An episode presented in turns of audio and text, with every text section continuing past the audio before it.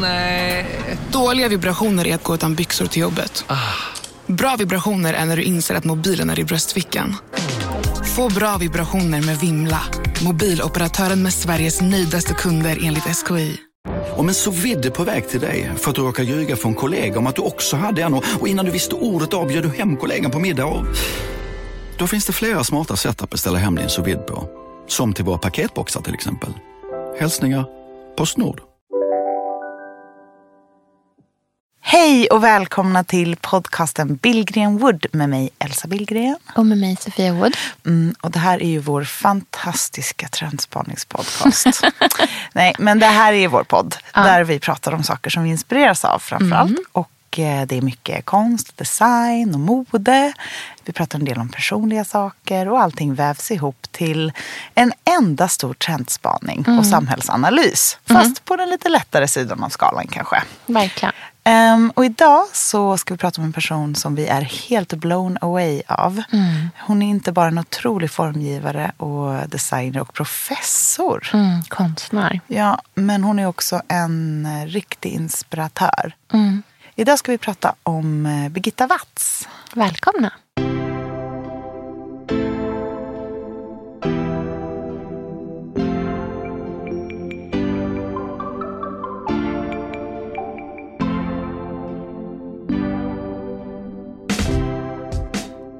Det känns härligt att vara igång med konkreta, riktiga avsnitt igen efter sommarlovet. Håller du inte med? Jo, det känns som att man är så tillbaka på jobbet. Ja, och verkligen. Mm. Nyvässade pennor och stort eh, sug efter att eh, dyka ner i nya saker och bli så här rejält inspirerad. Mm. För det tycker jag är svårt under sommaren. Alltså man liksom puttrar på i sitt lilla men det är liksom inte så mycket sådär att man skakas om. Nej.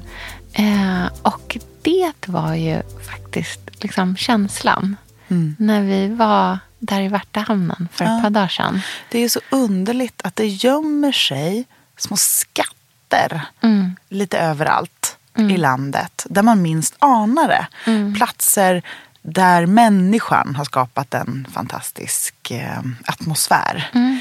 Det här är ju ett eh, industriområde i Värtahamnen. Mm. Som inte ser så mycket ut för världen. Ganska mycket vägar, lite grat, det är lite...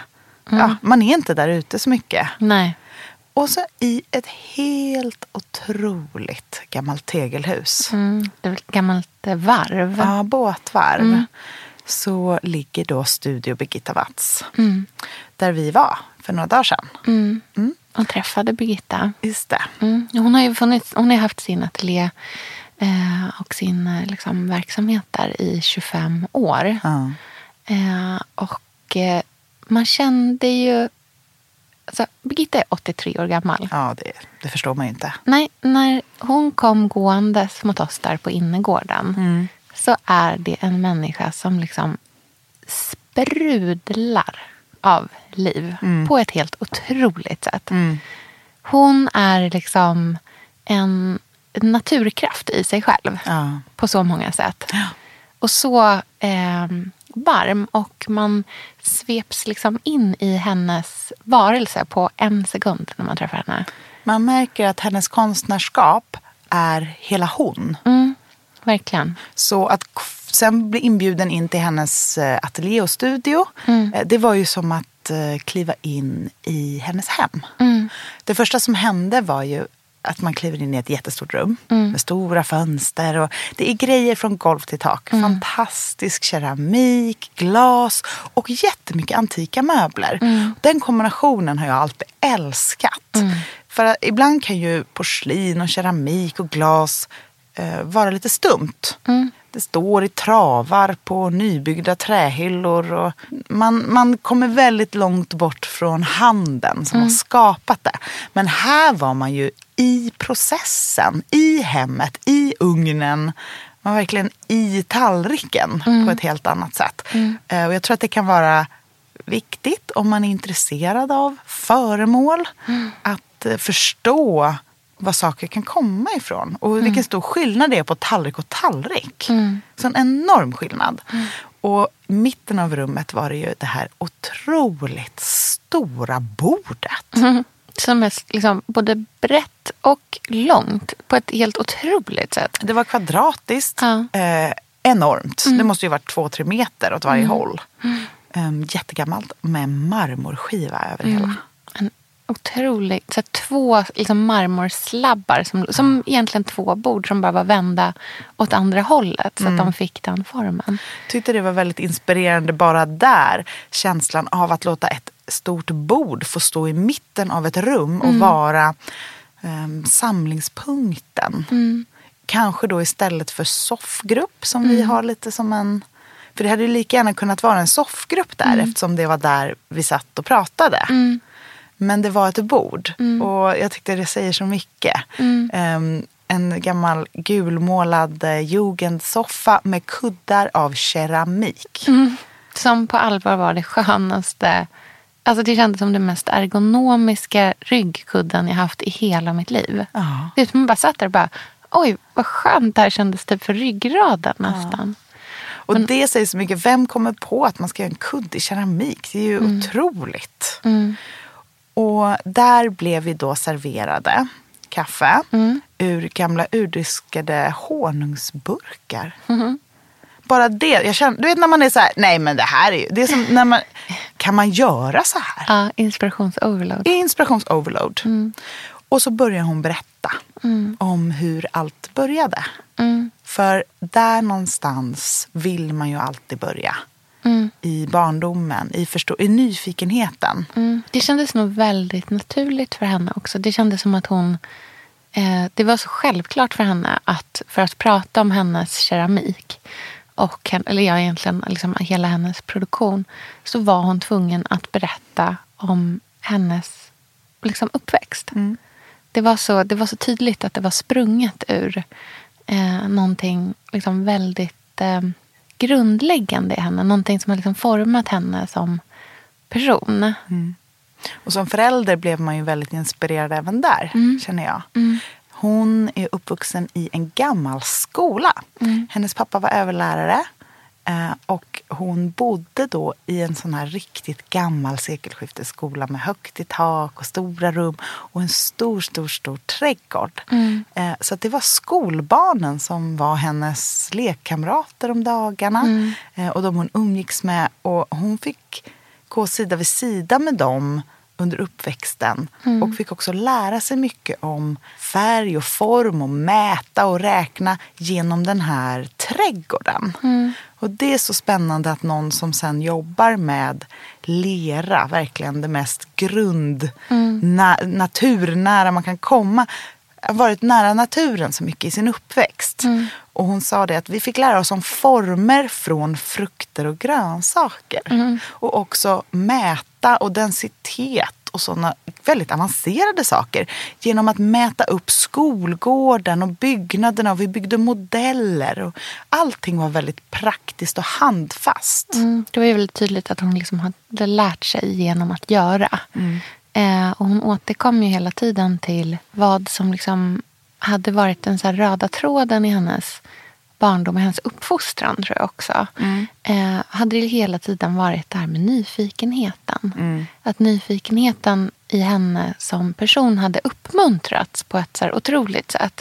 Eh, både av liksom hennes eh, pappa och av hennes farmor och alla som fanns runt omkring henne i släkten. Men också av de här lärarinnorna som bodde där som var ganska, kändes som att de hade varit ganska riviga eh, på många sätt.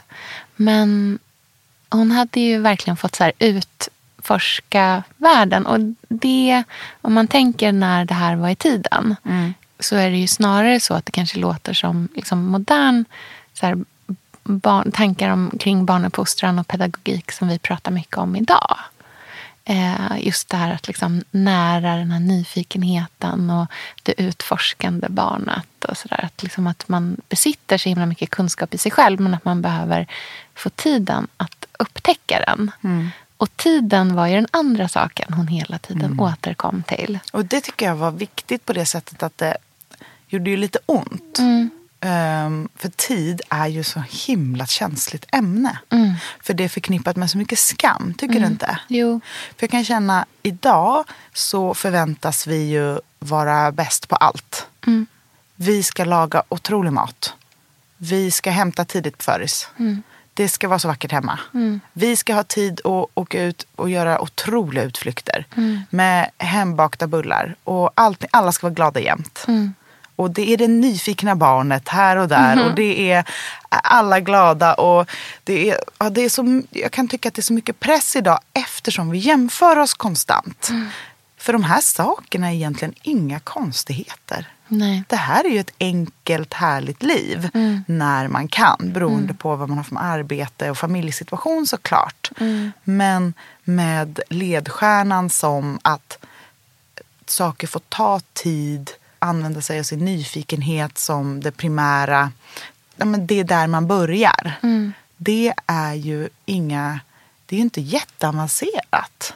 Nej, verkligen inte. Men jag tror att det hänger jättemycket också ihop med att så här, tid är den ultimata lyxen idag och att det någonstans nästintill är en klassmarkör också. Mm. Att, ha, att ha möjligheten att, att ha tiden att göra alla de här sakerna eller att så här, stanna upp och vara med sina eh, liksom, eventuella barn eller andra personer i ens liv där man liksom då vill nära den här relationen eller bara utvecklas i sig själv. Att ha, det är ju en otrolig lyx i det li- livet som vi lever i idag. Att låta sånt växa fram i den tiden det tar och att liksom lära sig matematik genom att stega upp en skolgård och förstå så här, volym och arealer. Men jag tänker också någonstans att det finns så mycket så där skam kopplat till det också. För att vi också liksom så värderar den här möjligheten att, att vara i stunden och att inte men sväva iväg i massor med andra saker man gör också. Det är så, liksom så här skamfyllt att inte vara närvarande. Mm. Eh, så det där är ju verkligen eh, någonting som jag tror att vår generation brottas jättemycket med.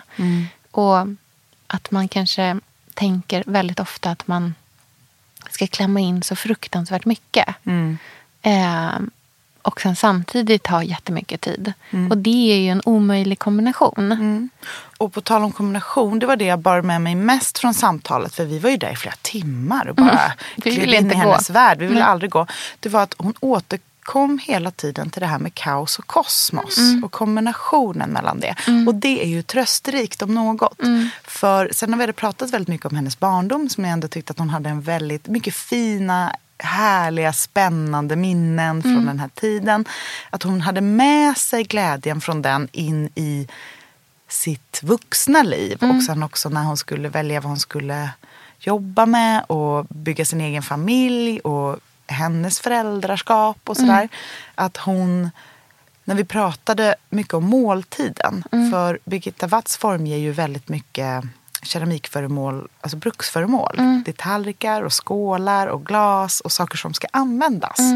Ehm, så återkom hon väldigt ofta till just måltiden. Att det handlar om att sitta ner tillsammans och ha tid för måltiden. Precis, måltiden som händelse, inte som skeende. Nej. Alltså så här, inte, det hon jobbar med var liksom inte att göra saker man kan lägga mat på Nej.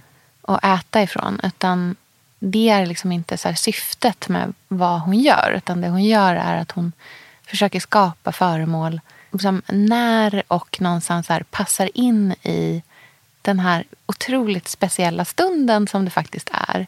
När man möts över ett bord och sitter och äter tillsammans. Och för många kanske så är den största stunden på dagen där man verkligen umgås eh, med andra människor på ett så väldigt liksom aktivt sätt. Och det tyckte jag också var så... Där förstår man liksom så skillnaden i att vara en konstnär och att vara eh, någon som bara liksom producerar. Att så här, det, det, finns liksom, det fanns ett högre syfte med de här sakerna som hon gjorde. Gud ja. Hon har ju skrivit en poesibok på ämnet. Vet du, jag läste den på tunnelbanan hem. Ja. Alltså jag läste den från perm till perm. Ja. Jag började gråta vid ett tillfälle. Alltså jag kände mig så... Eh, jag kände mig jättefånig och så, så här pretto. Verkligen. och så satte det sig så här, en alkis bredvid mig och bara Läser du poesi? Jag en riktig liksom, Stockholms söderkis-alkis. Jag bara, ja. Så här, ja. Han bara, ja. Jag gillar, jag gillar fräckisar. Han bara, okej. Okay. Det finns utrymme för fräckisar kring hennes matbord också tror jag. Ja, verkligen. Det var högt i tak. Jag ställde ganska många svåra frågor tror jag. Mm. För att jag ville verkligen tänka så här, vad kan våra poddlyssnare också vilja veta? Mm.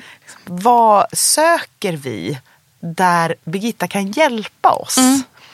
Så var det så här, men hur gör man då ett härligt bord. Mm. Tills, alltså, inte först kommer en bordstablett och sen kommer en tallrik. Mm. Utan vad är den där magin? Vad mm. är det där lilla extra som gör att det blir härligt? Vad är det som är nyckeln till mm. måltiden? Um, och hon tänkte ju väldigt länge och tyckte mm. att det var, för det är svårt att sätta fingret på. Även om det är väldigt tydligt och klart när den infinner sig, den känslan. Men hon återkom ju till tid väldigt mycket. Mm. Det här är någonting som tar tid. Mm. Och också kaos och kosmos. Mm. Att göra ett vackert bord och sen förstöra det tillsammans. Mm. Det är njutningen. Mm. Att inte plocka undan eller städa upp. Eller, utan börja med många härliga tallrikar på bordet och massa mat och umgänge. Mm. Och äta och på något sätt skapa den här röran mm, som det och bara blir. fylla på istället för att plocka undan. Exakt. Hon bara, ingen får städa undan, det ska Nej. bara stå. Ja, och så pratade hon ju också om att, här, att när gästerna har gått hem och mm. man plockar undan och man mm. står där och diskar eller liksom, så här, om det är handdisk eller diskmaskin. Men att det också är en del av upplevelsen. Mm, då tänker man på vad man har pratat om. Ja, och det tyckte jag också var så så här, ett så lyxigt sätt att se på eh, ja, men så här, verkligen vikten av måltiden. Mm.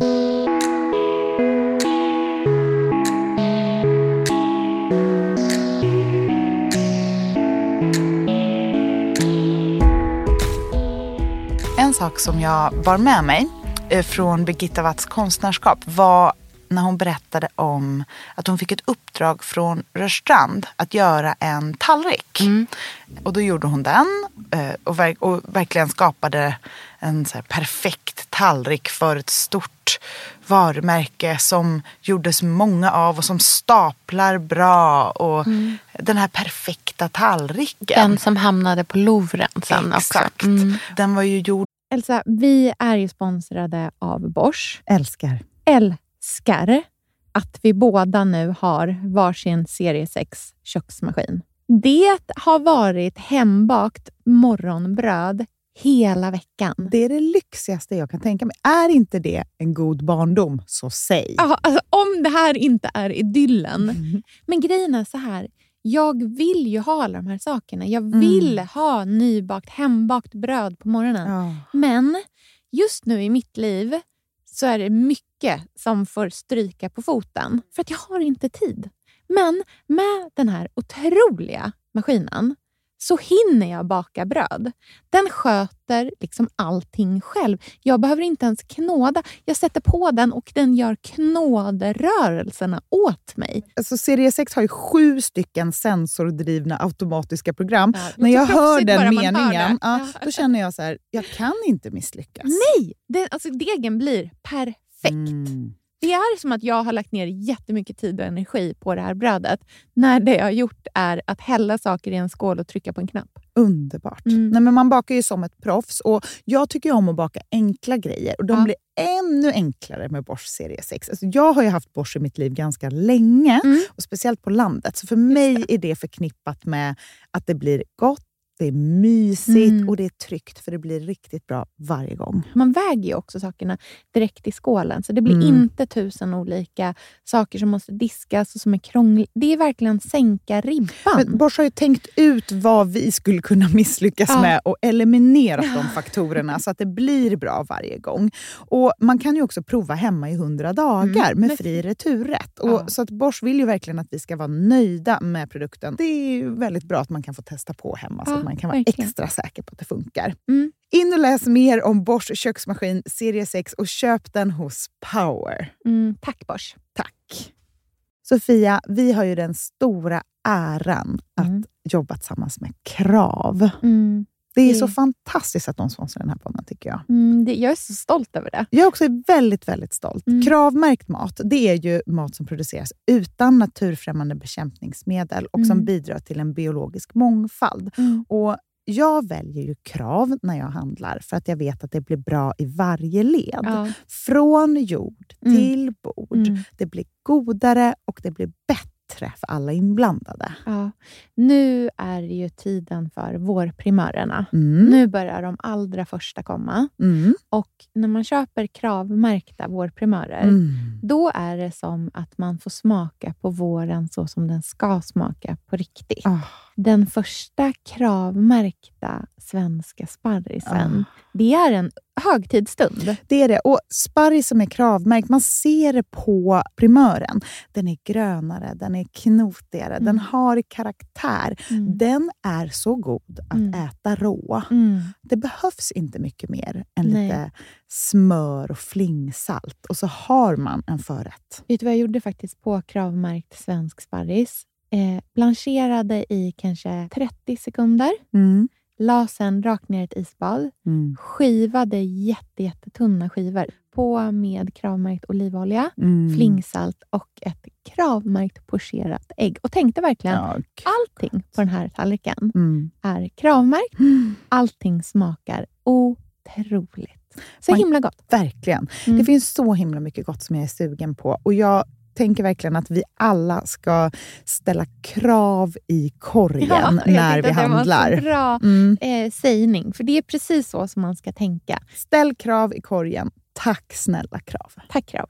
Sofia, den här veckan har vi ett jättefint och viktigt samarbete med Plan International. Mm. En av världens största och äldsta barnrättsorganisationer med verksamheter i över 80 länder. Mm. Och nu tänkte jag att jag ska berätta för alla, för dig och för alla som lyssnar här om eh, Asiato som är 15 år gammal och kommer från Sierra Leone. Den här berättelsen visar också hur vi kan göra skillnad för flickor faktiskt. För trots sin unga ålder så har Asiato redan upplevt väldigt mycket smärta. Hon har blivit utsatt för våldtäkter under hela sin barndom. Och eh, hon berättar att hon inte vågade säga någonting om de här övergreppen till någon. Och att hon därför inte hade någon runt sig som märkte något förrän hon blev gravid. 13 år gammal. Man är så liten när man är 13. Kan du tänka... Alltså jag, nej, jag, det är svårt att tänka sig att ett barn ska bli barn, mamma vid, i den Mm. åldern. Men tack vare Plan International så har hon fått stöd och bearbeta allt det här fruktansvärda som hon har varit med om under så många år av hela sin barndom. Och nu så är hon mer hoppfull inför framtiden igen. Ja, barn ska inte föda barn. Och vill du vara med och kämpa för att flickor som Asiato ska få en barndom fri från våld och sexuella övergrepp, bli flickafadder för 125 kronor i månaden hos Plan International på flickafadder.se. Eller om du hellre vill ge en engångsgåva så kan du swisha till nummer 900 14 70. Eh, alltså 900 900 14 70. Tack Plan International.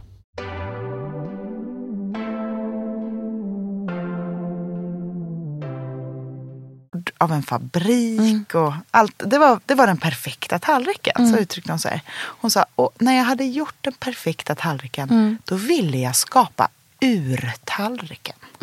Jag tror att där hittade hon någonting som är väldigt typiskt för vad jag tycker är hennes, liksom, det som är magin med Birgitta Watz. Det är att hon hela tiden försöker rota efter någon form av s- första steg.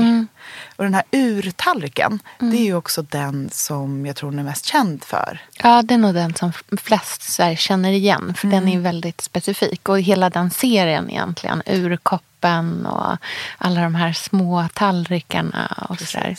Och den är ju en ganska ojämn tallrik, ganska grov. Gråblå glasyr. Mm. Um, och um, det är den servicen då som de använder på ett hem i Stockholm, Butikhotellet. Precis. Och där kan man ju verkligen också se hur det här hantverket som hamnar i en miljö med annat hantverk som mm. då till exempel maten som ju är otrolig på mm. ett hem läggs på urtallriken och hur det blir den här magin som skapas mm. när det möter varandra. Mm. Och jag tycker det är så fascinerande att någonting så grovt kan vara så vackert. Ja, för den är ju både liksom grov och väldigt mjuk. Både för att den är, liksom, den är så ojämn. På ett sätt kan jag tycka att det nästan är liksom, det är så, det är så hårt med eh, så fabriksperfektion. Eh, men den här, just för att den är ojämn, den är ju ganska rund och bullig i kanterna på många sätt utan att vara klumpig. Mm. Men den, den är ju så liksom primal på något mm. sätt. Och att de inte är precis likadana. Och sen så är det ju då också den här glasyren mm. som är så levande mm. och så stor skillnad från tallrik till tallrik. Och liksom till kopp, till fat, till serveringsfat, allt möjligt.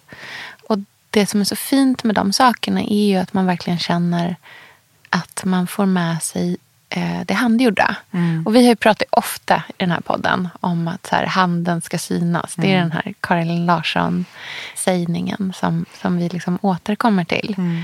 Och i Birgittas eh, verk så gör det ju verkligen det. Men det som jag tycker också är en väldigt så här, typiskt konstnärlig eh, sak i henne. Mm. Som jag tänker att vi alla kanske kan lite så här, försöka fostra i oss.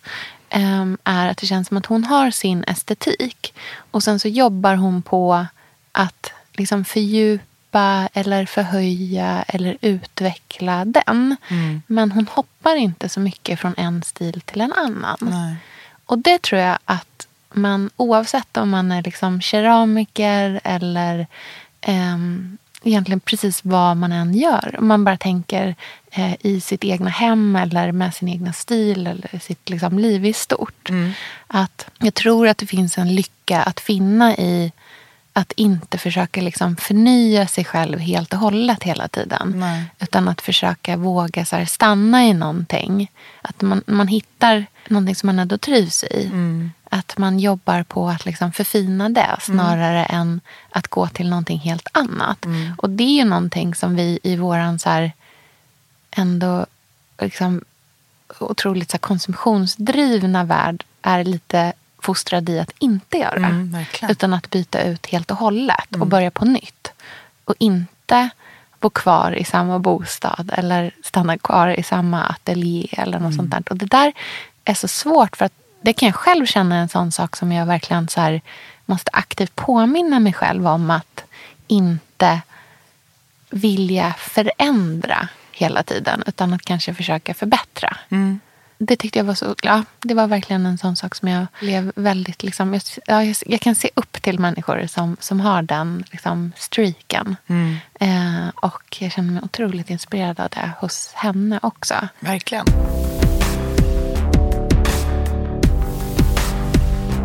Och samtidigt som att man vill förbättra, förfina, utforska. Allt det kommer ju också ur en nyfikenhet. Mm.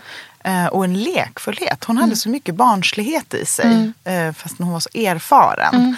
Och jag minns när hon sa om hur det var när hon var på landet. Och det var inte en kotte där och det var helt tomt de har inga grannar, det finns ingen affär. Men de, det var en, hur mycket barn som helst. Mm. Barnen och alla deras vänner och så. Då var vi jättehungriga. Okej, vad har jag hemma? Mm. Låt oss göra den största pannkakan som mm. någonsin gjorts. Mm. På grillen. Det är den roligaste dagen jag kan tänka mig i mitt liv. Varför ah. gör man inte sånt? Varför är vi så styrda av praktiskt, snabbt och effektivt mm. framför roligt, nyfiket och knasigt? Mm. Jag vet, jag vet. det är så sant och det är så inspirerande när man träffar någon som faktiskt vågar leva i det där på riktigt. Ja. Hon, var ju, alltså hon är ju väldigt matintresserad generellt. Mm. Jag tror att mycket av hennes liksom, liv återkommer, inte bara till måltiden, men verkligen också till maten. Och en av de sakerna som jag vet att vi båda så här studsade till på och blev jätteinspirerade av mm. var när hon pratade om sin bakning. Mm. Att hon hade liksom väldigt, väldigt tidigt börjat med så här surdegsbakning. Mm. Och hon bara, ja ja men alla, alla keramiker eh, bakar ju bröd. Jag bara, ja, ingen aning. Liksom hon bara, ja nej men gud. Och de flesta som bakar bröd, de borde ju verkligen hålla på med keramik också. Ja. Men det var liksom så, det var så självklart att ja. hon, och hennes son som, Joel som hon jobbar med, som också var med i rummet ja. då när vi var där, som är fotograf och en superhärlig person också. Han han liksom, oh, gud, vet du, när, morsan när vi var små, så här, du hade en jäkla surdegs, liksom, det luktade surdeg i hela bilen. Det enda vi ville ha var så här, köpt eh, Skivat bröd. Ja, så färdigskivade tekakor som smakar socker. men jag tyckte också att det var så härligt att hon liksom verkligen hade så här, ja, men hon hade bara kört på med sin grej även när det var opraktiskt. Ja. Eh, och fast att det fanns enklare lösningar så var hon liksom inte så intresserad av att ta dem. Nej, för ibland kan ju den enkla lösningen verkligen vara motsättning till nyfikenhet. Ja. Att den sätter käppar i hjulen och förstör för nyfikenhet och kreativitet. Ja, jag tror framför allt att så här, den enkla lösningen gör att man inte utvecklas till den liksom höjd man har potential att utvecklas till. För att man liksom, när man tar den enkla lösningen så stannar man där. Det är väldigt sällan man tar en enkel lösning och sen samtidigt vid sidan av fortsätter att utvecklas mm. med de svårare sakerna. Mm. Utan när man liksom väljer den lösningen då tar det stopp där på något sätt. Mm. Eh, om man ska hårdra det. Mm. Nej, och, och det jag tror att det liksom är viktigt att så här, se krångligare men mer njutningsfulla lösningar. Inte bara för liksom, vikten det är att bära dem utan också så här, potentialen till vad som kan ske med en om man vågar gå hela vägen. Mm. Det var ju som när hon pratade om liksom, ja, men någon viss typ av glasyr. En japansk typ av liksom, teknik som såg ut som kaffe eller Mm, liksom så här hemkokt um, chokladsås nästan som hade så runnit ner. Den var liksom så djup och mörk och så kanterna var alldeles ljusa. Och bara, Nej, men det tog mig 30 år att lära mig. Mm. Det tog 30 år innan... Ja, nu, nu, nu sitter det. Men, ja, men det tog 30 år. Mm. Alltså så här, att, gör, att försöka lära sig någonting i 30 år. Mm. Det tror jag nästan, nästan är vår generation förbi. Ja. Alltså vem gör så idag? Nej. Nästan ingen. Vi är väldigt snabba på att, så här, ah, jag stick, nu, mm, vi har inte gjort något med händerna på jättelänge, men nu stickar jag en tröja. Mm. Och sen väver jag en bonad. Mm. Och sen stöper jag lite ljus. Och sen syr jag eh, rompers till mitt barn. Mm. Sen gör jag ett bröd. Mm-hmm.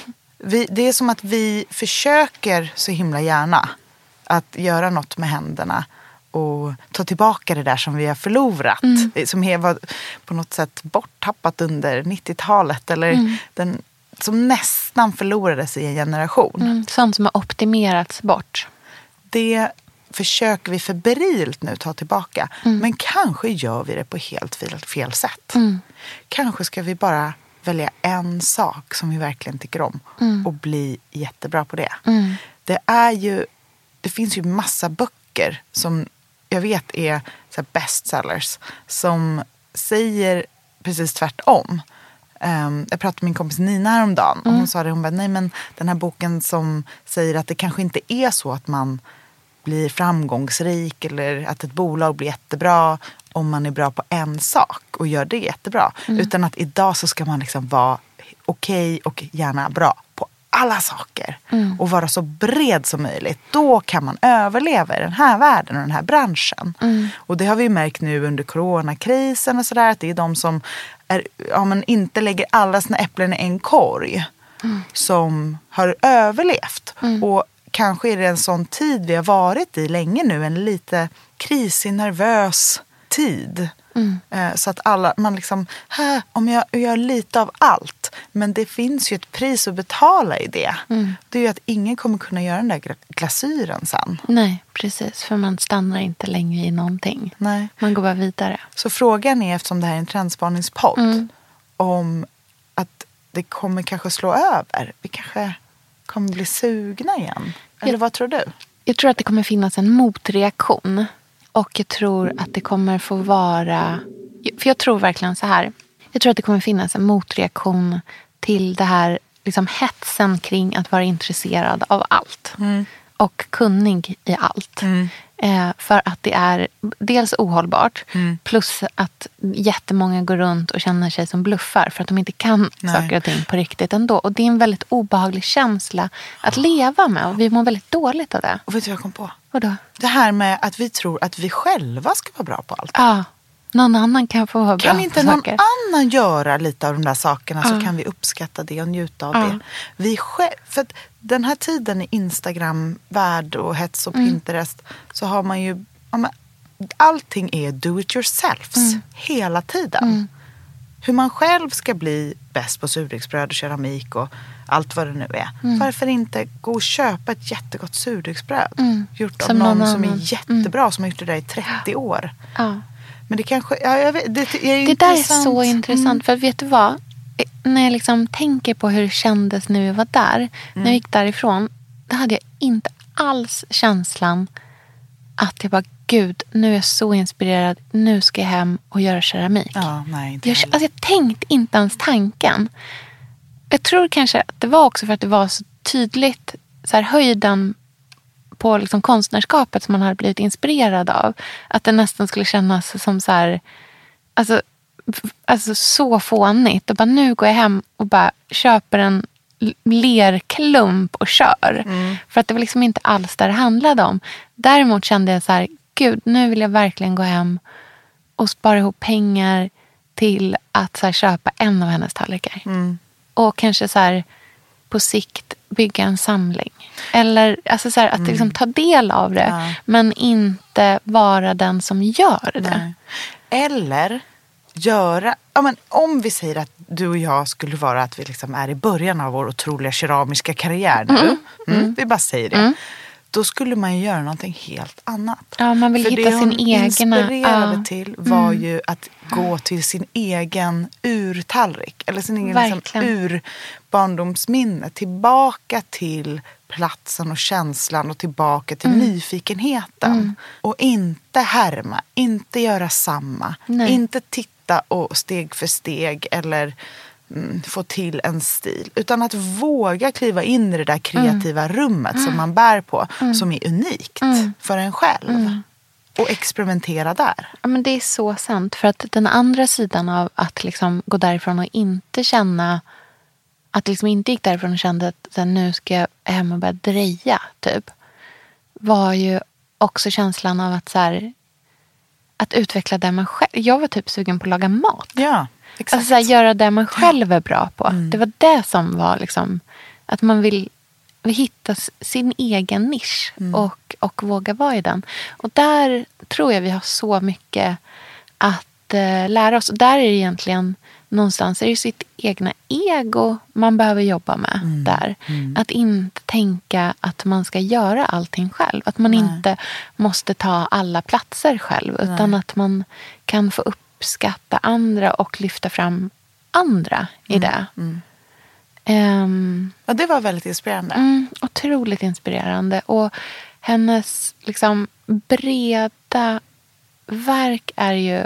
Alltså det är ju allt från... Alltså de här gla, vaserna är ju bara Magiska vaser.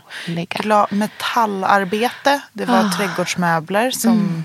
var så enkla och vackra. Birgitta Watts formspråk är ju ganska japanskt i sin Ja. ton. Mm.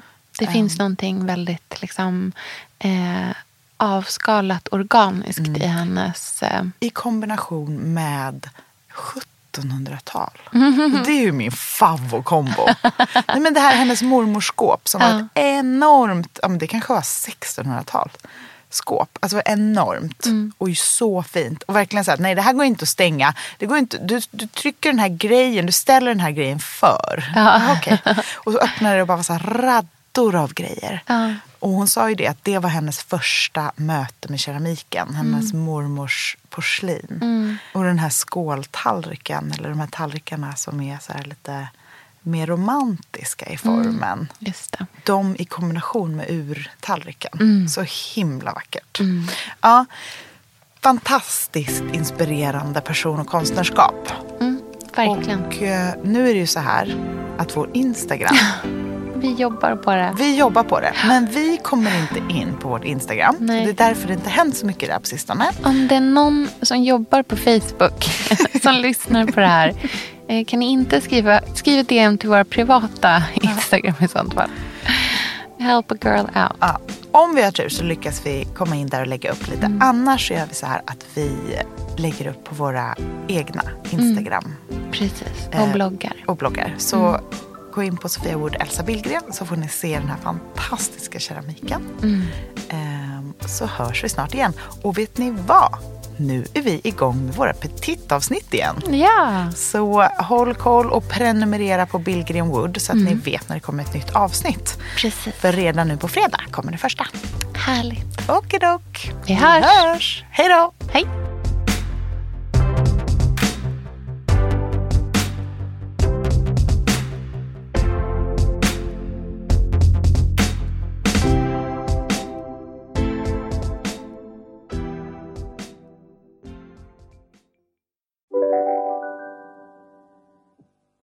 Lyssna på en ekonomistas podcast om du vill lära dig mer om pengar och hur pengar påverkar ditt mående. Med mig Pingis. Och med mig Hanna. I samarbete med Nordax Bank. Hej, Synoptik här. Visste du att solens UV-strålar kan vara skadliga och åldra dina ögon i förtid? Kom in till oss så hjälper vi dig att hitta rätt solglasögon som skyddar dina ögon. Välkommen till Synoptik. Här sitter jag i en ljudstudio tillsammans med ett sjölejon för att berätta att McDonalds nu ger fina deals i sin app till alla som slänger sin takeaway förpackning på rätt ställe. Även om skräpet kommer från andra snabbmatsrestauranger, exempelvis Eller till exempel Ja, precis.